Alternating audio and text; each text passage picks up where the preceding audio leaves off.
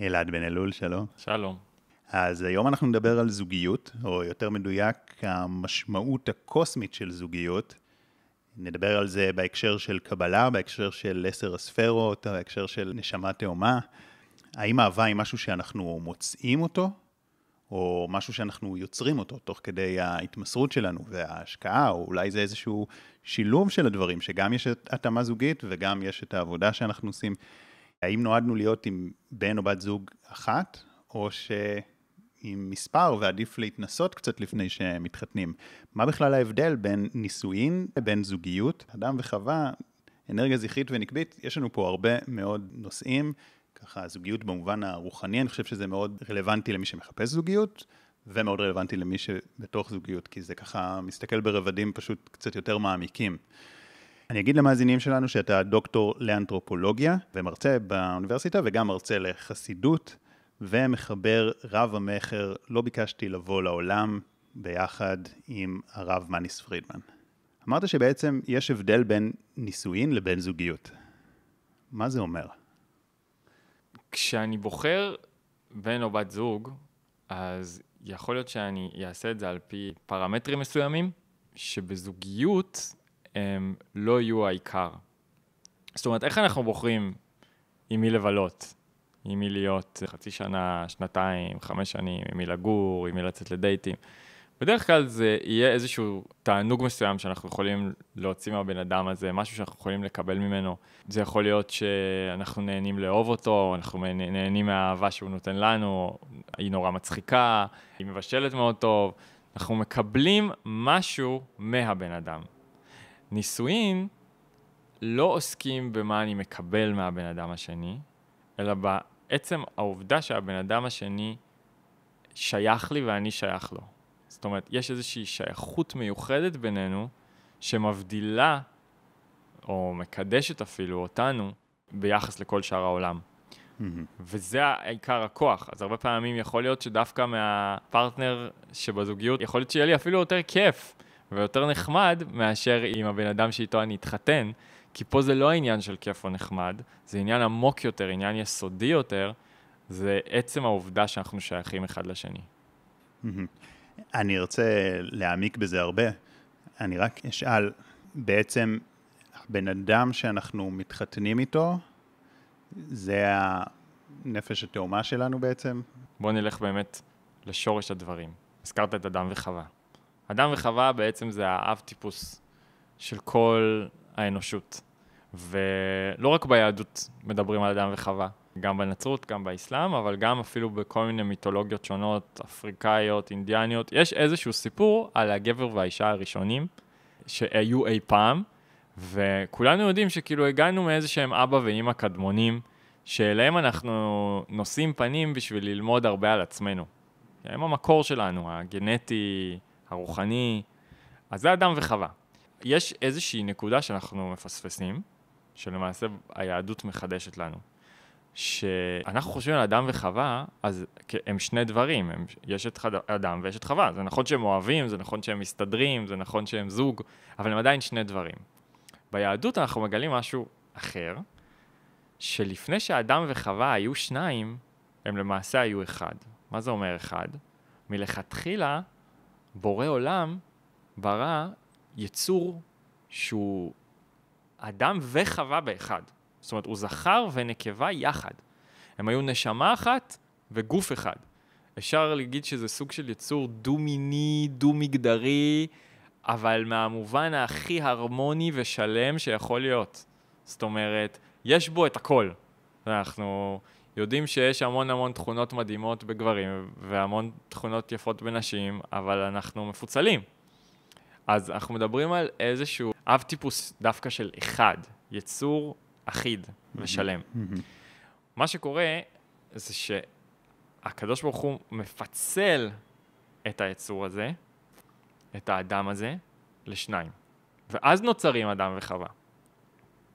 אחרי שהם הופכים להיות שניים, זאת אומרת, חצי נשמה פה וחצי נשמה פה, חצי גוף פה וחצי גוף פה, הוא אומר להם, והיו לבשר אחד. זאת אומרת, תתחברו, תתחתנו, תהפכו להיות אחד. כביכול, בשביל מה? אם ממילא פיצלת, מה, לא ידעת שאתה הולך לפצל? התבלבלת? היה טעות בייצור? הרי ידעת שאתה הולך לפצל אותם, אז למה לא לברוא אותם מלכתחילה מפוצלים? אבל העובדה שיש לנו עבר מאוחד, זה ההבדל בין זוגיות לבין נישואין. זאת אומרת, האדם שאיתו אנחנו מתחתנים, זה אדם שכבר היינו אחד איתו, איפשהו, מתישהו, ועכשיו אנחנו חוזרים לפגוש אותו. למעשה, אנחנו כבר מכירים. אנחנו מכירים מפעם. יש איזשהו מימד רוחני יותר, פנימי יותר, מופשט יותר, שבו אנחנו אחד. אז נישואים, זה לא שפגשתי מישהו ועכשיו הסתדרנו, אלא זה איחוד מחדש עם מי שהופרדה ממני. למרות שאם אתה הולך למימד הרוחני, הנסתר, הסמוי מן העין הזה, ועולה ברמת מופשטות אנרגטית יותר ויותר, אז אתה יכול להגיד, אוקיי, כולנו באיזשהו מובן אחד. נכון. כל המסורות הרוחניות אומרות. אז זה לא באמת הדבר שאני מוצא אותו, אלא כן מה שאני עושה עם הזוגיות, לא? יש דרגות לאחדות הזו. בסוף באמת הכל זה אחד, אבל על מנת שהאחדות הכללית תתגלה, היא מתבטאת בהמון מופעים, ואנחנו צריכים, למצוא את האחדות, למשל אחדות מול בני העם שלנו, אחדות מול המשפחה שלנו, אחדות עם העולם, אחדות עם הטבע, אבל האחדות שאנחנו מוצאים עם הבעל או האישה שלנו, היא האחדות העמוקה ביותר. היא האחדות שהיא משל ודגם לאחדות שבין הבורא לנבראים. אחדות זוגית, אחדות של שלמות, אחדות של משהו שהיה מחובר ואז הופרד ומוצא את עצמו שוב יחד. Mm-hmm. אז זה המשל הכי הכי עמוק, המקום הזה של הזוגיות דווקא. איך בעצם אני יכול לזהות את זה? אתה אמרת קודם שזה לא בהכרח מי שאני איתו בזוגיות הכי טובה, אלא מי שאני מרגיש איזה שייכות. כן. איזה שאלות אולי אני צריך לשאול את עצמי, איזה תחושה אני צריך לחפש? כן. עצם העובדה שאני אומר לעצמי, אני מחפש את אשתי, או אני מחפשת את בעלי, זה כבר שם לנו איזשהו GPS אחר. כל ההתכווננות שלנו, הרגשית, התודעתית, היא אחרת. עכשיו, מה אני כן אמור לחפש? כשאני נמצא בנוכחות של האדם השני, בגלל שכבר היינו אחד, צריכה להתגלות בי תחושה מאוד נינוחה, מאוד טבעית. מאוד טבעי לי עם מי שאני. נוח לי להיות אני, וספציפית נוח לי במגדר שלי. עצם היותי גבר או היותי אישה, פתאום הופכים להיות משהו נינוח. כי גבריות ונשיות זה, זה תכונות שיכולות מאוד להיות מעורערות ומאוימות. סביבות שונות יכולות לגרום לנו להרגיש מאוד לא נוח ביחס לגבריות או הנשיות שלנו. אבל כשאנחנו נמצאים עם, ה, עם הנשמה התאומה שלנו, עם החצי השני שלנו, פתאום מאוד נוח וטבעי להיות מי שאנחנו. זאת אומרת, מי שאנחנו זה גם האופי הייחודי שלנו, שבעצם אנחנו לא מנסים אה, להסתיר או לשחק איזה משחק. אנחנו יכולים לבטא את הייחודיות שלנו, האותנטיות, הכישרונות שלנו, אבל גם אתה אומר, זה את האנרגיה הזכרית שלי בתור גבר, או האנרגיה הנקבית בתור אישה? בדיוק ככה, ממש. מה יותר משמעותי פה? אני חושב שיותר משמעותי העניין הזכרי והנקבי, כי זה מה שייחד את הקשר הזה. זאת אומרת, אני שואף לי להרגיש נוח עם האופי שלי ועם מי שאני בקרב חברים, במקום העבודה, במקום שאני לומד בו, בחיק המשפחה. באופן אידיאלי זה משהו שאני אשאף להגיע בכל הסביבה שלי, אבל יש רק מישהי אחת, יש רק מישהו אחד, שאיתם הייתי רוצה שהאנרגיה המגדרית שלי, ספציפית, תבוא לידי ביטוי וגילוי. אתה יכול אולי לדייק מה זה אומר? כן. אז קודם כל צריך לשאול באמת מה זה גבר ומה זה אישה. האישה זה מישהי שאוהבת את צבע ורוד ועושה כלים, גבר זה מישהו שאוהב אה, לבנות אה, בתים ולקנות מכוניות. אלה כמובן סטריאוטיפים, ואני יכול להגיד גם כאנתרופולוג, שאם מסתכלים על תרבויות שונות, אז מגדרים מקבלים מופעים שונים לגמרי. מאוד קשה להגדיר מגדר על פי איזה שהם מאפיינים חיצוניים, תרבותיים. אנחנו יכולים לראות במקומות שונים בעולם, שגברים ונשים מתנהגים בכל מיני צורות, והחלוקת תפקידים ביניהם יכולה להיות מאוד שונה, והצבעים שהם אוהבים, והתחומי עניין שלהם יכולים להיות שונים. אבל מבחינה פנימית, נשמתית, יש משהו שהוא ייחודי לגבר ואישה באופן אוניברסלי, והאמת שאנחנו יכולים לקבל איזושהי הצצה לזה, איזשהו רמז לזה מהמבנה האנטומי. כי קודם כל אנחנו מבינים את ההבדל בין גבר לאישה. במובן הכי פשוט, גשמי ושטחי שיש, לפני שהקנינו כל מיני תכונות, שזה כבר סוג של הנחות יסוד.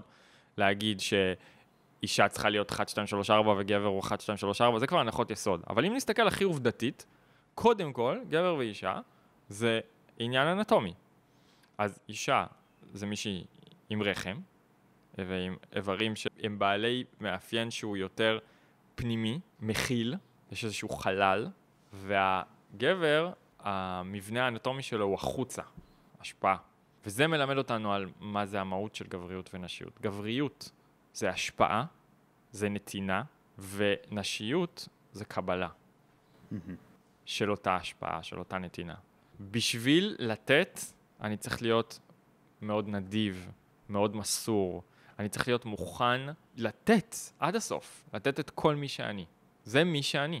וזה מאוד מפחיד, כי אולי אם אני באמת אתן את כל מי שאני, אז הצד השני יעדוף את זה. וזה מפחיד. זה הפחד היחיד בלתת את הכל? אני עלול למצוא את עצמי ריק או מתוסכל, כי נתתי את הכל, והדבר הזה לא יתקבל.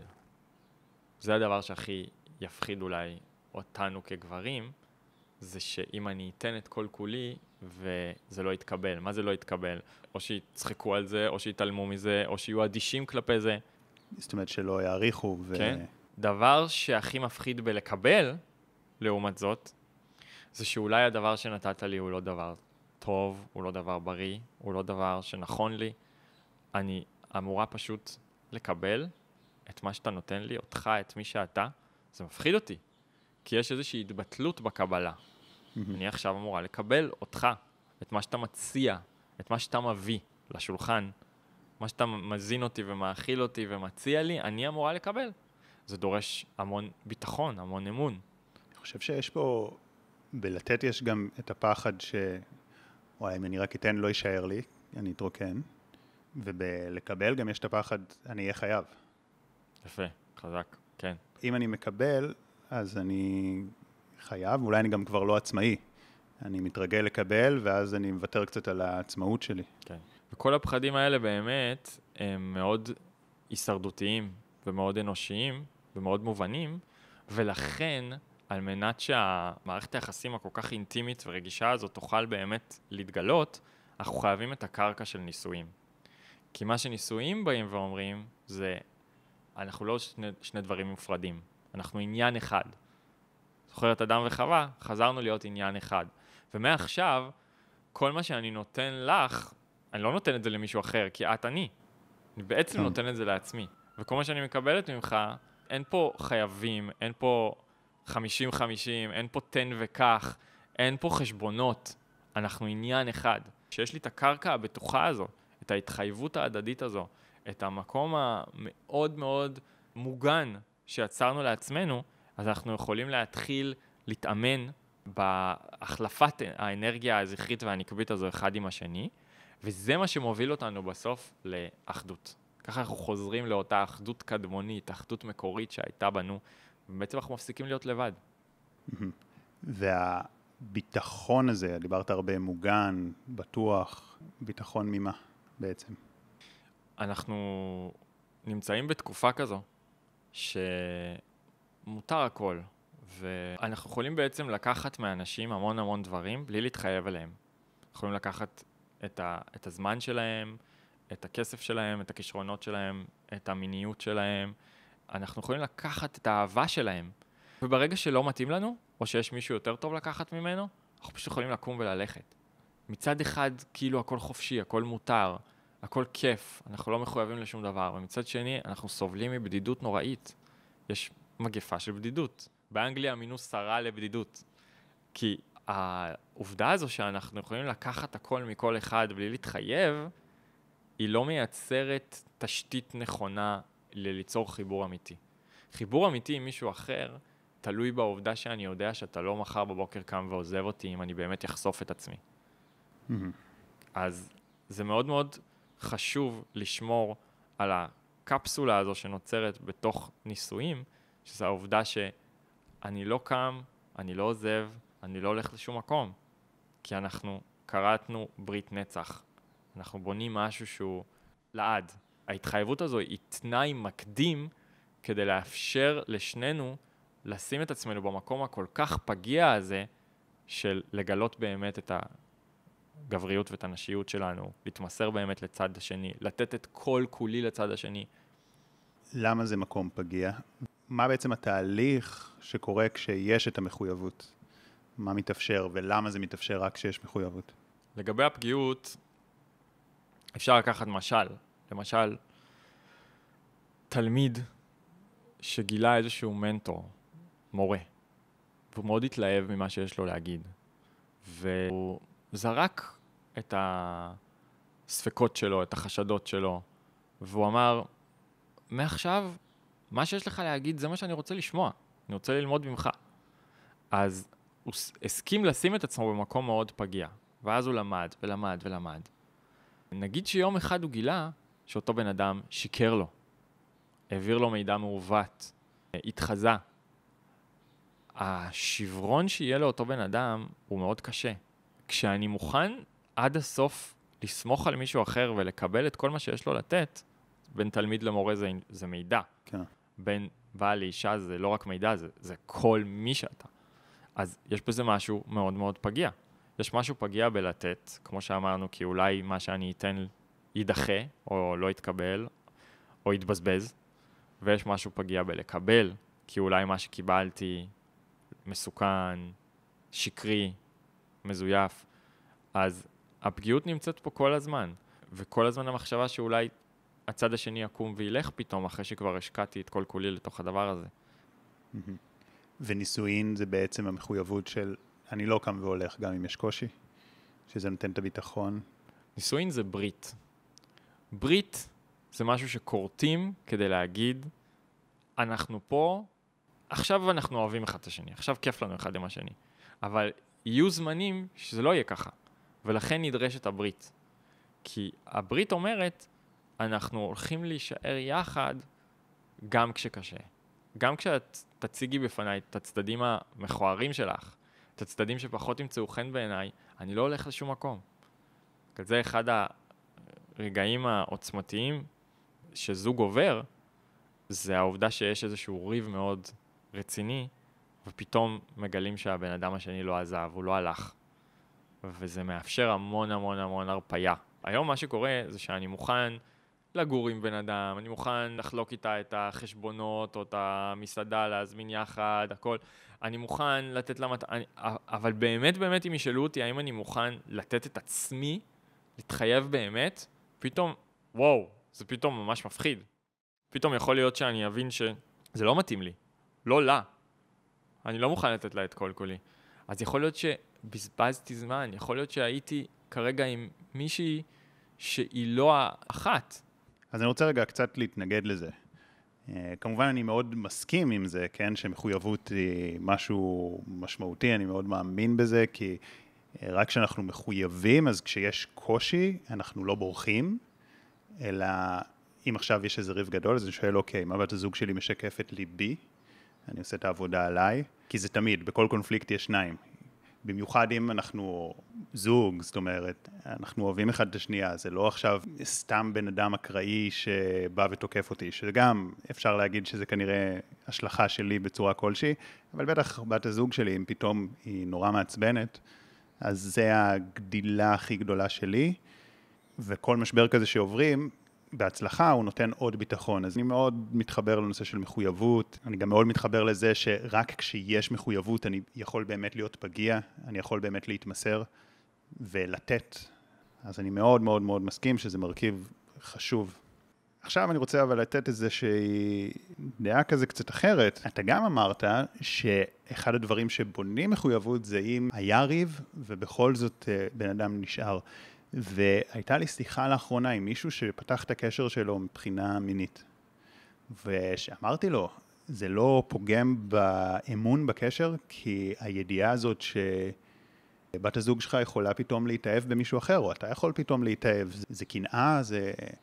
איך אפשר ככה להיות בזוגיות? זה נורא מערער את האמון. הוא אמר לי, אתה יודע, דווקא זה שפתחנו את זה, וראינו שאנחנו עדיין רוצים להישאר ביחד, זה דווקא חיזק לי את הביטחון. מה אתה חושב לגבי זה? אין ספק שיש כוח מיוחד דווקא בעובדה שאני בוחר להיות בקשר. לא כי חתמתי על איזשהו מסמך. כל יום אני יכול לקום וללכת, ואני בוחר להיות בקשר. אין ספק שזה עוצמתי. אבל האם זה יאפשר לנו כיצורים באמת פגיעים ושבריריים להתמסר עד הסוף, להיפתח עד הסוף אל תוך האחדות הזו, ההתמזגות הזו שנדרשת מבעל ואישה? זה לא יאפשר לנו. כי אם אני יודעת בתור אישה שהוא הולך ושם את האנרגיה שלו בעוד המון מקומות, ואני הולכת ושמה את האנרגיה שלי בעוד המון מקומות, ואם אני יודע שהוא איתי רק כל עוד זה כיף לו, כל עוד זה טוב לו, כל עוד זה מתאים לו, אבל הוא בעצם אומר, אני לא באמת מחויב לזה, אני פה כי אני רוצה, אבל מה אם מחר לא תרצה? זאת אומרת, אני תלויה ברצון שלך, זה המון אחריות, זה המון פחד. זה דורש ממני להיות כל הזמן הכי מושלם, הכי מדהים, הכי זה. אני כל הזמן עומד למבחן, אז אני לא רגוע. Mm-hmm. ההתמזגות הזו, שנמסים אחד לתוך השני, יכולה לקרות רק מתוך העובדה שאני הבית שלך ואתה הבית שלי, וזה משהו שהוא סגור, הוא אינטימי, הוא שלנו. אבל אולי יש פה אשליה של ביטחון. אני חושב שכולנו רוצים את התחושה הזאת של בית, של משהו שהוא יציב. הוא שלנו לתמיד, לנצח. אבל המציאות מראה לנו שאנשים שרודפים אחרי ביטחון ויציבות, בדרך כלל לא מוצאים אותו. אנחנו רואים את זה גם, לא יודע, מנהיג שמבטיח הבטחות ונותן איזושהי תחושה של ביטחון, זה לרוב אשליה של ביטחון וזה לרוב הכי מסוכן. אם אני מחפש אה, יציבות כלכלית ואני לא מוכן לקחת סיכונים בכלל, זה לרוב הכי מסוכן כלכלית. אולי אנשים מחפשים איזו יציבות בדבר אולי הכי משמעותי שזוגיות, כי בן אדם אחד בעולם ש, שאני תמיד איתו וזה הנפש התאומה שלי, אז אני אתחייב כברית, אבל אנחנו יודעים שגם הברית הזאת היא לפעמים לא עובדת, וגם אני יכול להיות בתוך הברית, אבל כבר לבד, וזה יותר כואב. מה שקורה היום, לצערנו, זה שנישואים איבדו את התוקף האמיתי שלהם. אנחנו מתייחסים היום לנישואים למעשה כמו זוגיות. אני יכול להיות בזוגיות עשר שנים, אני יכול להיות בנישואים שנתיים. אני יכול להיפרד מבן או בת זוג, וזה אומר להפריד חשבונות, להפריד חוזה בדירה, ואני יכול גם להתגרש, פשוט לחתום כמה טפסים, וזהו, נגמר, התגרשנו. אז מה באמת ההבדל? ובשביל זה אנחנו צריכים באמת להשיב את הכוונה המקורית של הנישואים. אז כמו שאמרנו, הכוונה המקורית של הנישואים זה לחבר אותנו מחדש עם מי שכבר היה חלק מאיתנו, זאת אומרת, משהו שהוא בלתי נפרד. ברגע שאני מבין שהקשר שלי עם בעלי או אשתי הוא קשר עצמי, מה הכוונה קשר עצמי? אין לה ללכת, אנחנו אחד. הורים וילדים הרבה פעמים לא אוהבים אחד את השני. אחים הרבה פעמים לא אוהבים אחד את השני. אבל הם יודעים שהם יישארו הורים וילדים בלי קשר לאהבה שלהם. זאת אומרת, זה לא שאני כבר לא אוהבת אותך אז אתה לא הבן שלי יותר. עצבנת אותי היום, אני לא אוהבת אותך, אז אתה כבר לא הבן שלי. גם אם אמא תגיד משפט כל כך נוראי, זה לא נכון. עובדתית זה לא נכון. אין לך לאן ללכת. כאילו, אני אשאר הבן שלך ותישארי אימא שלי, גם אם לא נדבר בחיים. כי יש בינינו איזשהו קשר שהוא יסודי, הוא עובדתי. הוא הרבה יותר עמוק מהרגשות שלנו. אבל אנחנו חיים בעולם שאנחנו תולים את התוקף של דברים ברגשות. אז כדי להשיב לנישואים את המעמד הייחודי שלהם ביחס לשאר הבריתות וה, והמערכות יחסים, אנחנו צריכים לזכור את העובדה שבעלי או אשתי זה קשר עצמי. זה קשר של אני לא שלם בלעדיהם, כי הם, הם אני. הם בעצם איזשהו צד בי, שכשהם לא נוכחים, הצד הזה לא יכול אף פעם לבוא לידי ביטוי. וככל שאנחנו יותר נעמיק בזה, ונהיה מחויבים לרעיון הזה, שזה רעיון קדוש למעשה, אז אנחנו נבין שנישואים זה דבר ענק. אבל אולי בן אדם עשה טעות. אז אוקיי, אם הוא באמת מצא את הנפש התאומה, בסדר, אבל אולי בן אדם פשוט עשה טעות והתחתן עם הבן אדם הלא נכון. זה היופי פה, שעוד לפני שנולדנו, הזיווג שלנו הוחלט והוכרז. כתוב בגמרא ש-40 יום לפני שהוולד יוצא מהרחם של אימא שלו, מכריזים בעולמות העליונים על הזיווג שלו, עם מי הוא הולך להתחתן. מה שזה אומר, הסיפור ההזוי הזה, זה שבן או בת הזוג שלנו למעשה כבר הוחלטו, ולכן אנחנו מזהים אותם. אז אנחנו לא יכולים לעשות טעות, בגלל שיש פה עניין מאוד משמעותי על חופש הבחירה. אני יכול עכשיו להגיד שאני בוחר לנסוע לאילת, אוקיי? אבל האם אני באמת אגיע לאילת? זה כבר לא תלוי בי. יכולים לקרות מיליון דברים בדרך עד שאני אגיע לאילת. אז אני יכול להגיד שבא לי להתחתן עם א', אם באמת נגיע לחופה, עם כל התנאים שזה דורש, שזה הסכמה הדדית, שבכלל אני אכיר, יש ביליוני אנשים בעולם, שבכלל הכרתי דווקא, והכל השתלשל עד כדי אופן שבאמת הגענו בסף שאנחנו נשואים, זה הרמז שאין טעות. עכשיו, איך בכל זאת כן. מתגרשים? עולה השאלה. אז בגלל שהנשמות שלנו נכנסות בסוף לגופים ולאופי מסוים, יכול להיות מצב שלמרות שמצד הנשמה אנחנו מחוברים ואוהבים ומאוחדים, מחוץ, בצד הנגלה של האופי שלנו, אנחנו לא מצליחים להסתדר. אנחנו שונים מדי. גדלנו בעולם אחר, בגוף אחר, בחוויות אחרות, ויכול להיות איזשהו מצב שהמצוקה נהיית כל כך גדולה, שאנחנו לא מצליחים. אז הגירושים, זה נקרא גם גט כריתות. מה אנחנו כורתים בעצם? אנחנו כורתים את החיבור הנשמתי הזה שיש בינינו, כי אנחנו אומרים, אפילו שמצד הנשמה אנחנו אחד, מצד הגוף אנחנו לא מצליחים עוד להיות אחד עם השני. אבל הסיבה שיש גירושין, שזה תהליך מאוד כואב, זה דווקא בגלל שהתחתנתם נכון. לא התגרשתם כי עשיתם טעות, התגרשתם כי התחתנתם נכון, ובגלל זה היה צריך מהלך כל כך דרמטי כמו גירושים, כדי להפריד את הדבר הזה. כמובן שחלק בי מאוד רוצה להסכים עם זה, וזה מאוד יפה, אבל אני רוצה להמשיך לאתגר, כי זה דברים שיש אה, בכולנו. כולל אגב זוגות חרדים שהם אה, חיים בקהילה של להתגרש, זה ממש אסון, זה בושה איומה שזה לא בחשבון.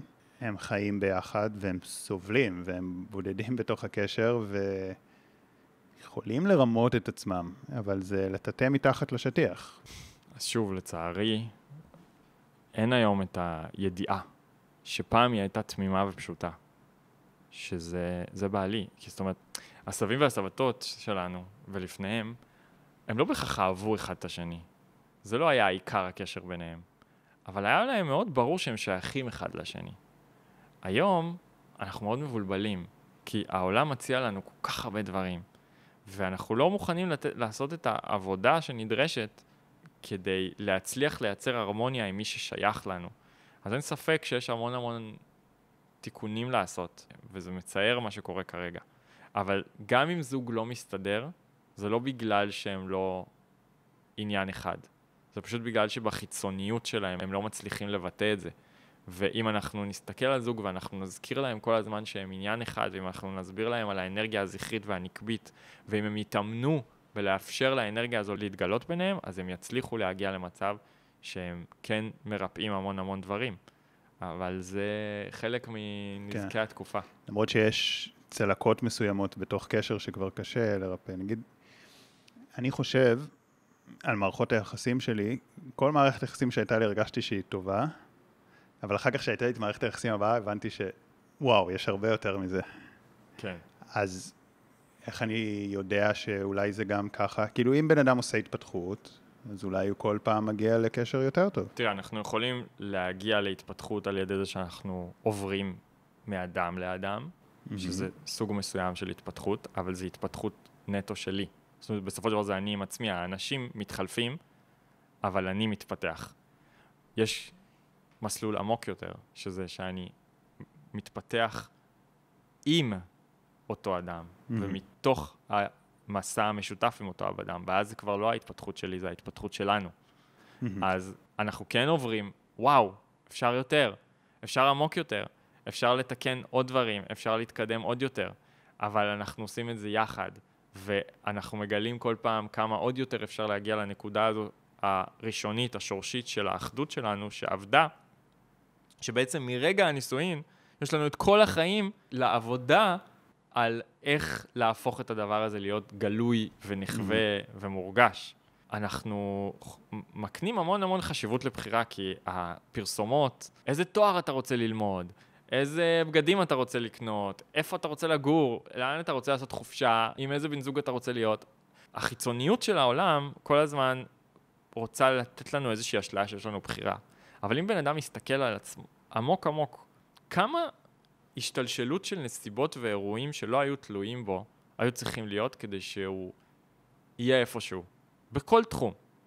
זאת אומרת, הדירה שאני נמצא בה, כמה דירות ראיתי ו- ואז מישהו אחר תפס, או כמה דירות ראיתי ואז בסוף זה לא יצא, למה דווקא הדירה הזו הייתה זמינה בזמן שאני מחפש דירה?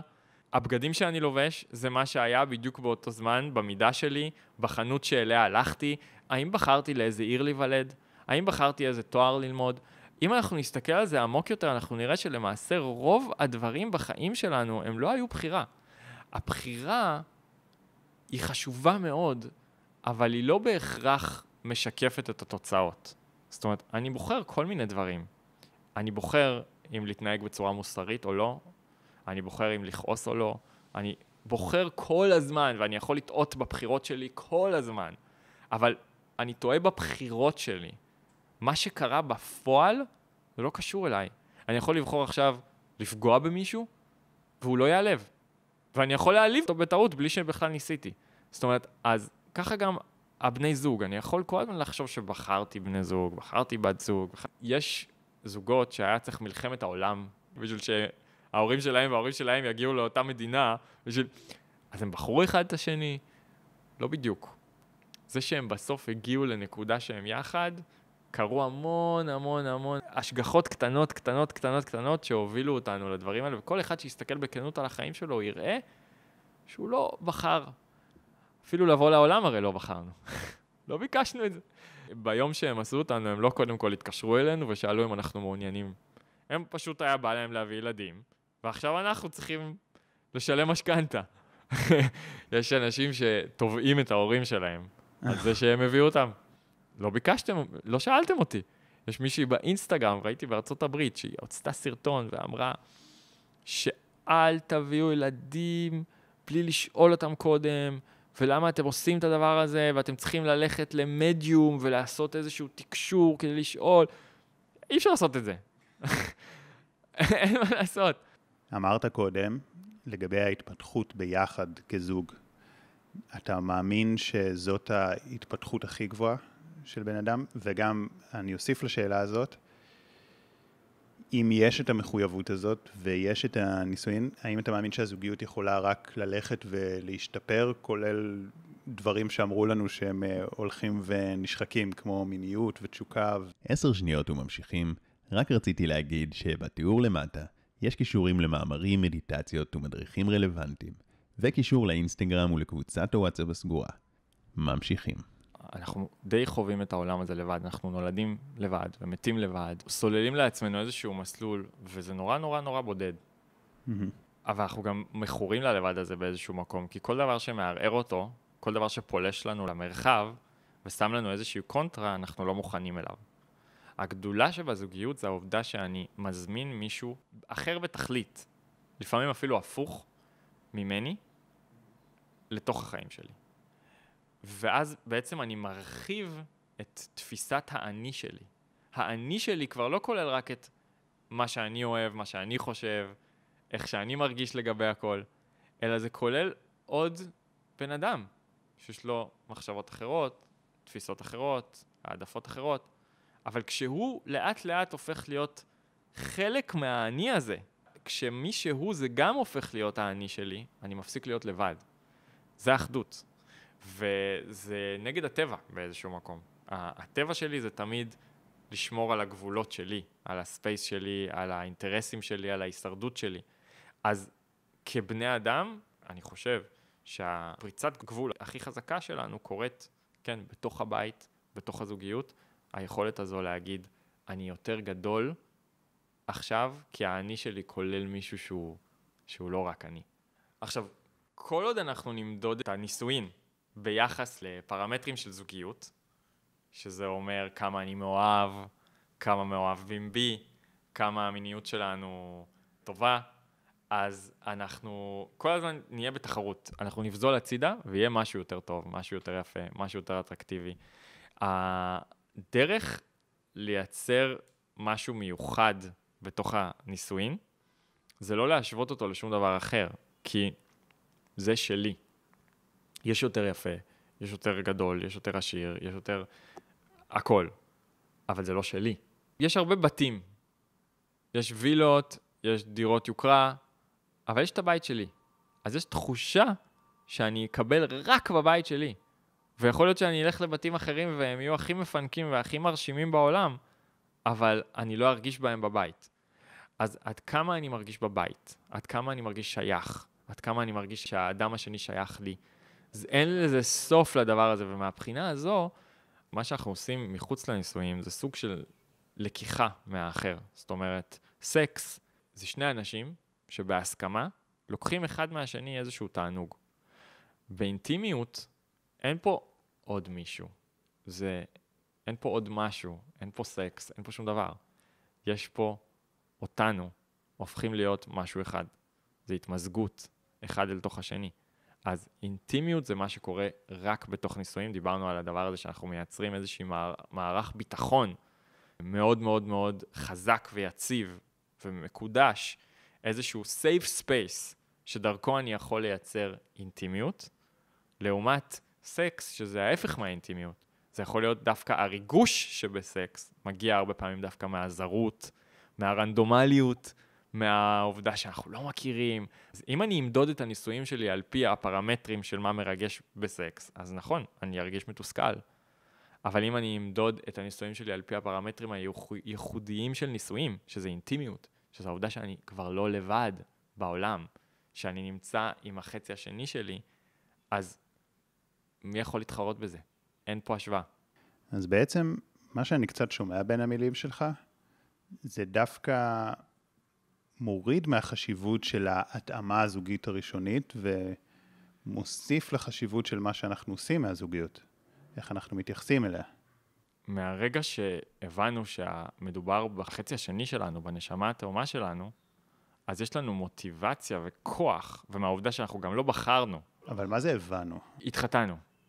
אם בפועל התחתנו. החלטנו. ברגע שזה באמת קרה, שאת זה כנראה לא החלטנו, כי כמו שאמרתי, אם השתלשלו כל כך הרבה דברים עד שזה רמה שבאמת קרה. כן, אבל זה עניין של אמונה, זאת אומרת, אז יש כאלה עם אמונה יותר חזקה, ויש כאלה עם אמונה יותר חלשה, או שלא מאמינים בכלל, אבל אתה לא יודע את זה בוודאות, בוודאות, בוודאות, אלא אם ממש חווית חוויה מאוד uh, מיוחדת. אז שוב, אני חושב שבאופן שכלי, אם נתבונן על מסלול חיינו, אנחנו נראה שאנחנו כמעט לא בוחרים כלום. ולכן, בטח שדבר כל כך גדול, שהיו צריכים כל כך הרבה דברים לקרות כדי שהוא יתבצע. אבל זה דווקא אולי מוריד מזה, כי אנשים, טוב, הם השתלשלו לתוך זה, זה כאילו פשוט uh, השתלשל. זה קורה. יש המון אנשים שמצאו את עצמם נישואים בלי לשים לב. כן. כן, זה נכון שאנחנו אמורים לצאת ולחפש, אבל זה רק בשביל שאנחנו ניקח חלק בדבר הזה גם בתודעה שלנו, שאנחנו נהיה מוכנים לזה. זה כמו להתפלל למשהו שאתה יודע שיקרה, אבל אתה מתפלל אליו כדי שאתה תהיה מוכן אליו, שאתה תהיה ערוך אליו, שאתה, שאתה תיקח חלק גם ברצון שלך ואתה תשתף את הרצון שלך בתוך הדבר הזה, אז אתה מחובר לזה באופן אחר. אז אנחנו כן הולכים ומחפשים ובוחנים ובודקים ומבררים ומתפללים, אבל באמת בסוף בסוף קרה ש, שהיה מפגש מסוים שהוביל אותנו לגור בבית אחד ולהיות נשואים. זהו. ושוב, זה קשור להגדרה של נישואים שעליה אנחנו, אנחנו עובדים פה על אקסיומות. ההגדרה של נישואים זה איחוד מחדש mm-hmm. של נשמה אחת שהופרדה עם הלידה. ברגע שהתאחדנו מחדש, אז יש לנו עכשיו את הידיעה הזו שאנחנו אחד, אבל אנחנו הולכים לגלות שבחיצוניות יש פה בן אדם שונה, שהוא לפעמים מעצבן, לפעמים לא מתאים, מתסכל, אבל יש לי את הכוח לעשות את העבודה הזו של השיוף וזיכוך והתאמה מול הבן אדם השני, כי אני יודע שאנחנו אחד. אז מתוך ההבנה הזו, אני מזמין עוד ישות בעצם אל תוך החיים שלי, ואני מוכן לקבל את העובדה שהוא אחר, ובזה אני בעצם, כמו שאמרתי, מרחיב את עצמי. אני הופך להיות רחב יותר. עד עכשיו זה היה אני, זה רק מה שאני אוהב, מה שאני חושב, איך שאני רואה את הדברים, ופתאום האני כולל בתוכו עוד מישהו. אתה אומר שזה מביא גם לגדילה רוחנית? זה מביא לגדילה רוחנית, זה מביא להיכרות עם הנקודה הזו של אחדות. הסוד הכי עמוק לגבי זוגיות, דיברנו על המשמעות הקוסמית של זוגיות, זה שהזוגיות היא בעצם משל. כי מה שאנחנו רואים פה בזוגיות זה שיש שני הפכים, גבר ואישה, משפיע ומקבל, מגיעים מעולמות שונים ותופסים דברים אחרת וחושבים בצורה אחרת, שפתאום מתבקשים להיות אחד. ומאיפה מגיע הקונספט הזה? מה התענוג המיוחד שיש בזה? אז על פי היהדות, למעשה המשל של גבר ואישה, של בעל ואישה, של נישואים, הוא משל שגם חוזר על עצמו שוב ושוב בין בורא עולם לבין הנבראים. אז גם פה יש איזושהי אחדות בין הפכים, כי הוא בלתי מוגדר, מופשט, אינסופי, חסר כל גבול, מעל כל... אי אפשר לתפוס, אי אפשר להגדיר, אי אפשר לתאר, זה איזושהי... אפילו אם אני אגיד אנרגיה, אז כבר הגדרתי אותו, כי אנרגיה זה דבר נברא. אז כל דבר שאני... הוא אהבה? לא, הוא ברא את האהבה. אנחנו מדברים על מקור כל הדברים. אז ברגע שאני אומר דבר, זה כבר לא אלוקים. אלוקים זה השורש הראשוני לפני שהיה משהו. אז, אז איך אני יכול להגיד עליו משהו? איך אני יכול לתקשר איתו? איך אני יכול לדבר איתו בכלל? ובכל זאת אנחנו מדברים פה על זוגיות. אנחנו מדברים פה על אחדות.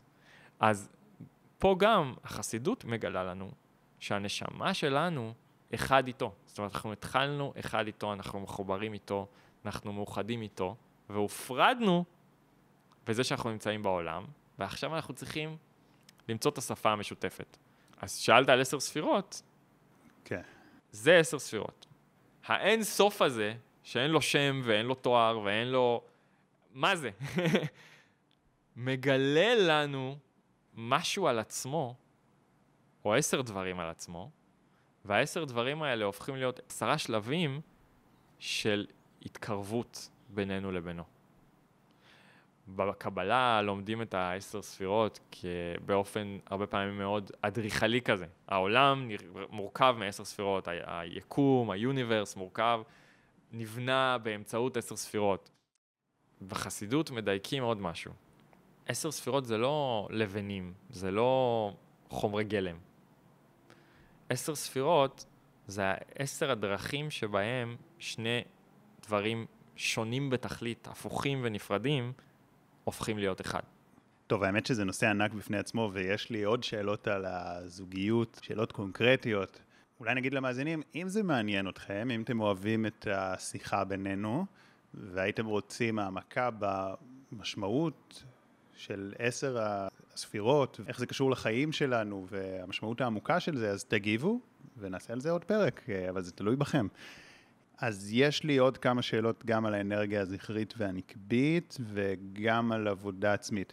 רגע לפני זה אני אשאל גם, אמרתי במהלך הפרק איזושהי תפיסה שאני מכיר אותה גם ממסורות אה, מזרחיות, היא מאוד מאוד חזקה שם ומעניין אותי את התפיסה היהודית על זה, שבעצם ברגע שהתחייבתי לבת הזוג שלי, ועכשיו היא מעצבנת אותי, אז זה משקף לי משהו בי. בכלל, זה משקף, אבל בטח אם התחייבתי למישהו.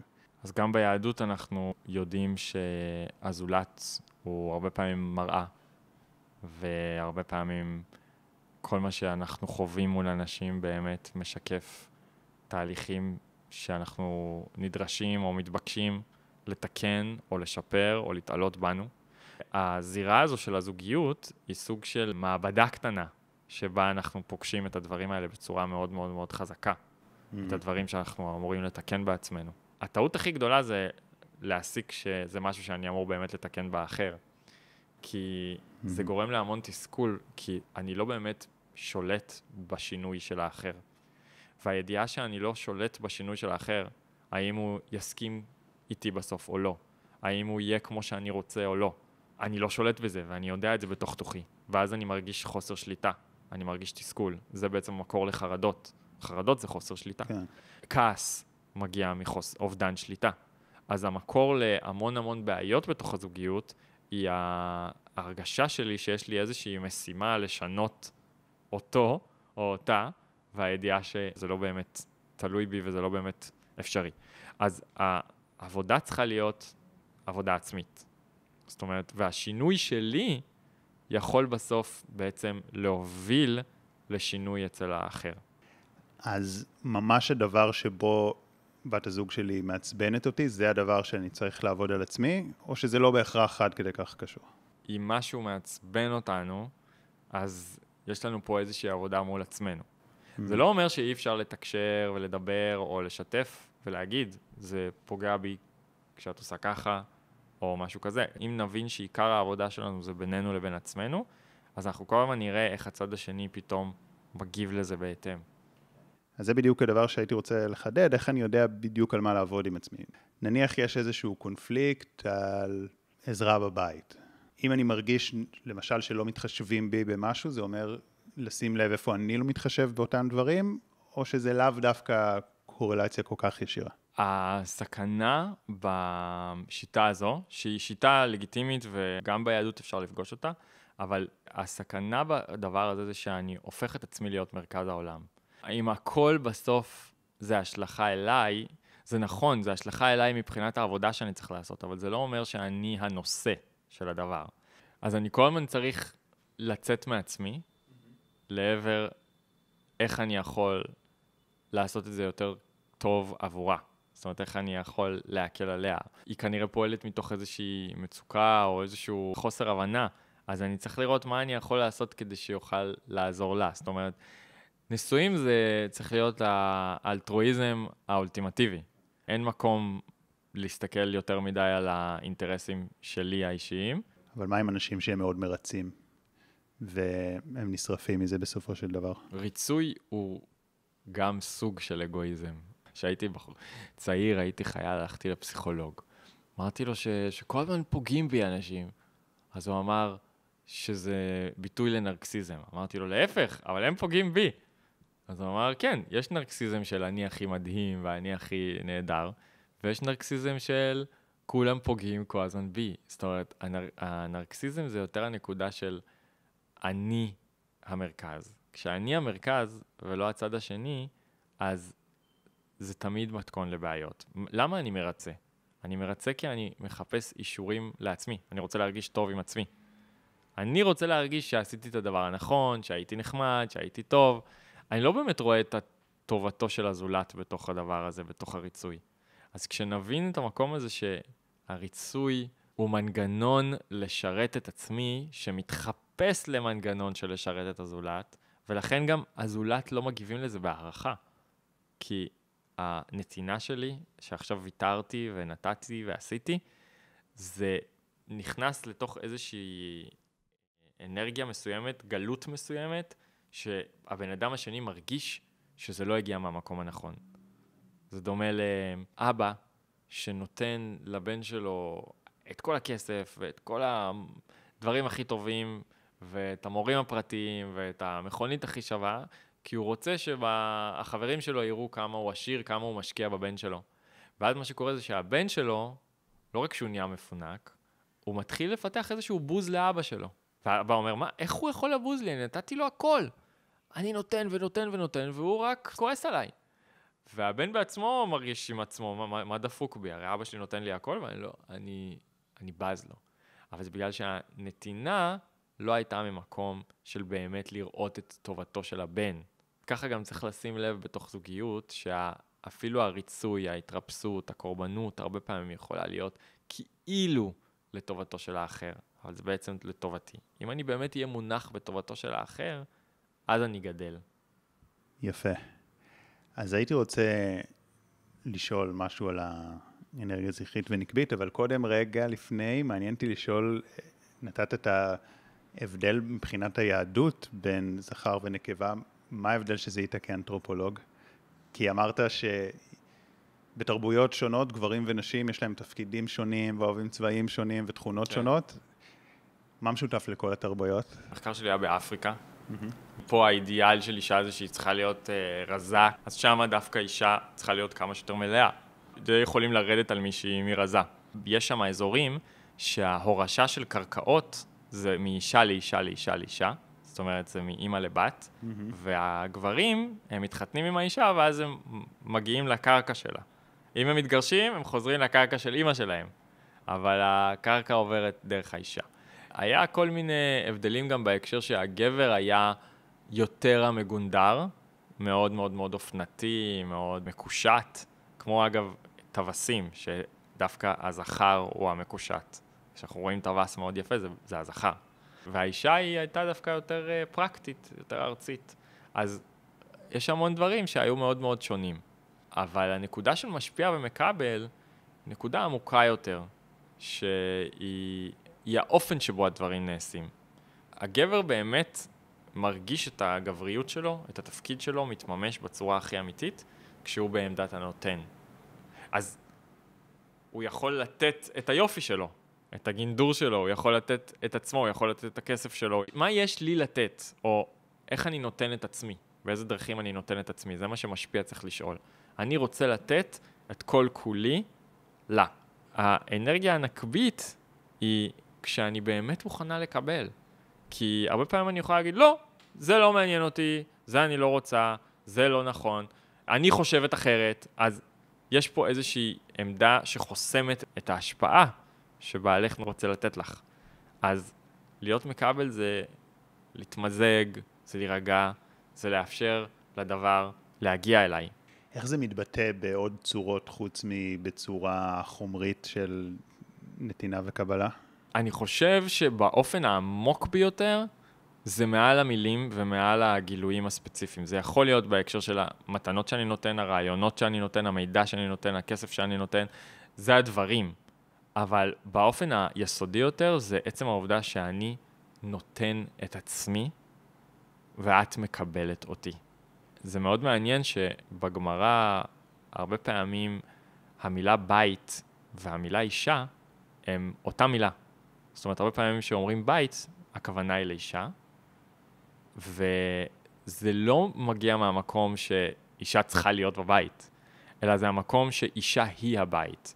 ומה הכוונה פה? אז אפשר לראות את זה במובן הפיזי הפשוט, כאילו, אבל זה לא הגיוני, אישה היא לא מבנה. בית, home, לא house, אלא home, זה אנרגיה מסוימת, זה חוויה מסוימת. שאדם מרגיש. Mm-hmm. חוויה של שייכות, של הכלה, של נעימות, של אינטימיות, של ביטחון, של אני יכול להיות עצמי פה, מרגיש פה בטוח, אני יכול להרפות, ויש לי אישה כוח מיוחד וכישרון מיוחד להיות בית עבור בעלה, עבור הילדים שלה. אז הכוח של אישה האנרגטי הוא לתת את ה... התחושה הזאת של בית, את התחושה הנינוחה, הנעימה, שנעים פה, של לחבר את המשפחה. כן. אז מה הכוח האנרגטי של הגבר, מה הוא נותן? הבית צריך שימלאו אותו. בית הוא חלל, כן? יש uh, מחקרים אנתרופולוגיים שלמשל הסתכלו על בניינים של דירות, שכל בניין זה אותם דירות בדיוק, זה קופסאות למעשה, זה קופסאות ריקות. ואז נכנסים לשם כל מיני אנשים, כל מיני משפחות, כל מיני תרבויות, מהגרים, ולוקחים את הקופסה הזו ועושים ממנה עולם ומלואו. אז האישה, היא אומרת, אני בית, אבל אני בית ריק כרגע. אני מזמינה אותך למלא את הבית הזה בכל מי שאתה, מה שאתה רואה לנכון, ואני אעשה מזה בית. אז אתה יוצא ואתה מביא אלינו, לבית המשותף, את העולם. וזה התחושה שבעצם אמרת שהיא הכי חשובה בזיהוי ההתאמה הזאת. כן, קודם כל, כשאנחנו נפגשים, אז אנחנו רוצים להגדיר לעצמנו שאנחנו נפגשים עבור נישואים. אנחנו לא רוצים לנצל את הצד השני, אנחנו לא רוצים לבדוק אותו לאורך תקופה ואז להחליט אם בא לנו או לא בא לנו. אנחנו לא רוצים לקחת ממנו שום דבר עד שאנחנו לא מרגישים באופן הדדי שזה נכון להתחייב. אז מה אנחנו מחפשים? אנחנו מחפשים את המקום הזה של... מתגלה בי המסוגלות לתת באופן שלא פגשתי קודם. אני, אני פשוט רוצה לתת את מי שאני, את כל מה שיש לי, וזה מרגיש לי מאוד טבעי ומאוד נכון ומאוד מתבקש. כשאני נמצא בנוכחותה, המסוגלות והצורך לתת דומיננטי מאוד בחוויה שלי מול עצמי. אני פוגש בעצמי גבריות. ולחלופין, כשאני נמצאת איתו, אני מרגישה נוח ובטוחה לקבל את מה שיש לו. מה שיש לו להגיד, מה שיש לו לתת, מה שיש לו להציע, אני מרגישה, אני נוחה לקבל. והאם יכול להיות חסמים לאנרגיה זכרית ונקבית אצל אנשים מסוימים, שאז הם בעצם חוסמים גם את האינטראקציה הזאת ואת התחושה הזאת?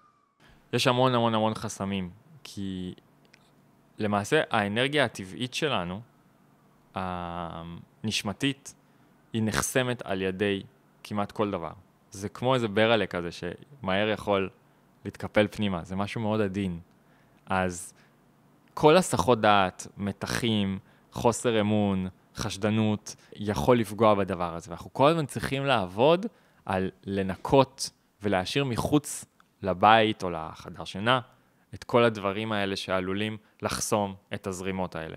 עכשיו, בנוסף, קיבלנו איזה שהן תכונות נקביות או זכריות, אז קיבלנו גם את הכוח שמנגד לזה. שזה כל הסיבות בעולם לא לעשות את זה.